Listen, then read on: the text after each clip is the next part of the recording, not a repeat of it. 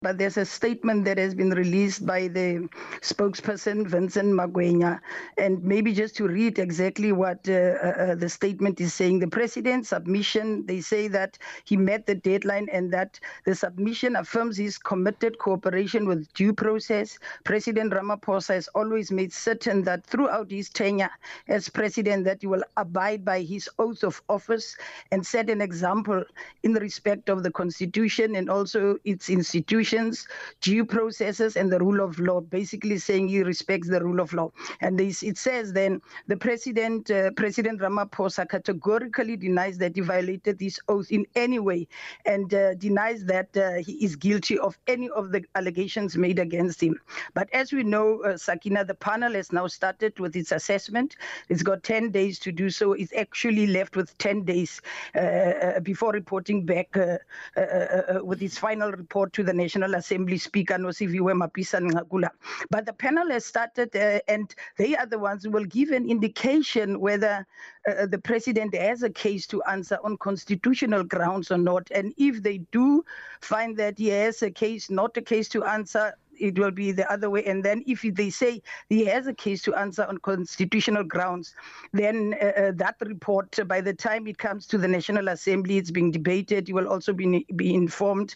And if they decide that, yes, uh, the report is being endorsed as is, if the panel says uh, there are constitutional grounds, uh, you know, for him to, or he has a case to answer, then they will uh, uh, the uh, the National Assembly will then have to decide, and then they must establish an inquiry similar to the one of the public protector. That's the process. It's a similar process that's going to be. Then it means the president will have to be brought before an inquiry. So they will, in this case, you know, in terms of the public protector, it's a Section 194 in, uh, inquiry because he is being brought before the inquiry for in terms of uh, uh, the constitutional grounds for for, for her is uh, in terms of Section 194, but in terms of the president is Section 189.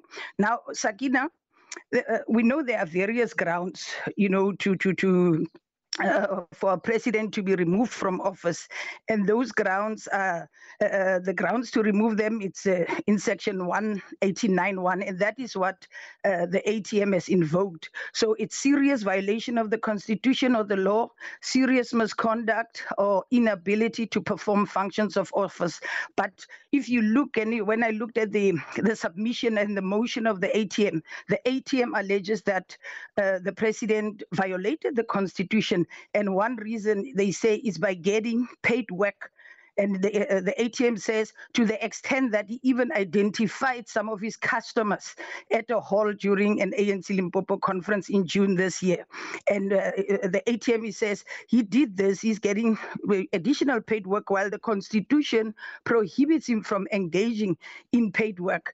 And uh, another charge that is facing in terms of Section 89 brought, brought by the ATM is uh, is an additional charge which was submitted by, uh, by the ATM, which is serious misconduct brought by the ATM.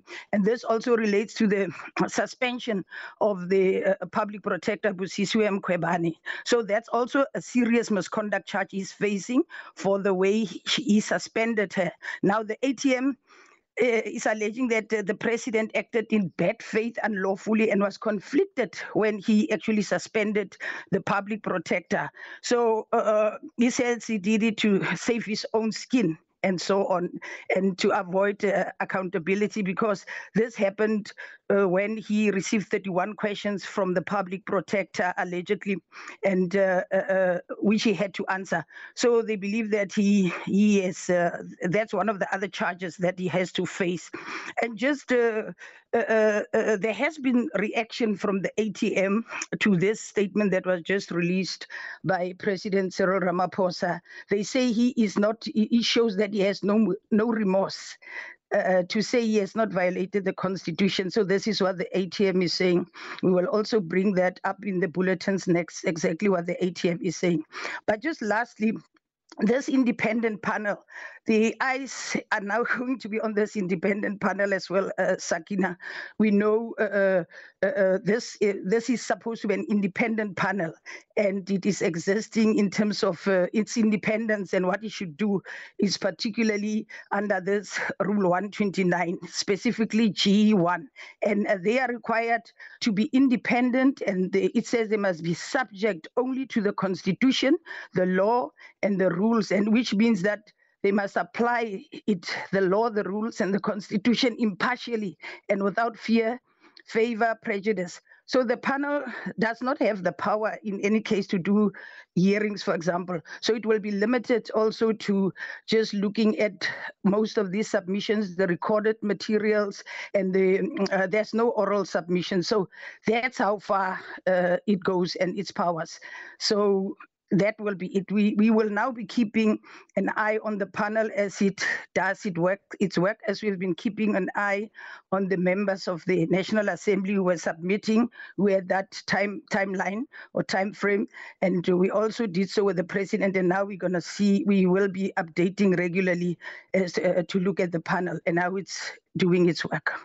Mercedes Basin, thank you so much. And of course, we'll listen out in the news bulletins to hear the reaction there from the ATM and uh, possibly other political parties. Our parliamentary correspondent, Mercedes Basin, bringing us up to speed uh, in terms of the latest uh, with regard to that Section 89 um, inquiry in Parliament. Uh, and this, of course, uh, looking at uh, President Cyril Ramaphosa and whether he violated his term of office by being in breach of the Constitution.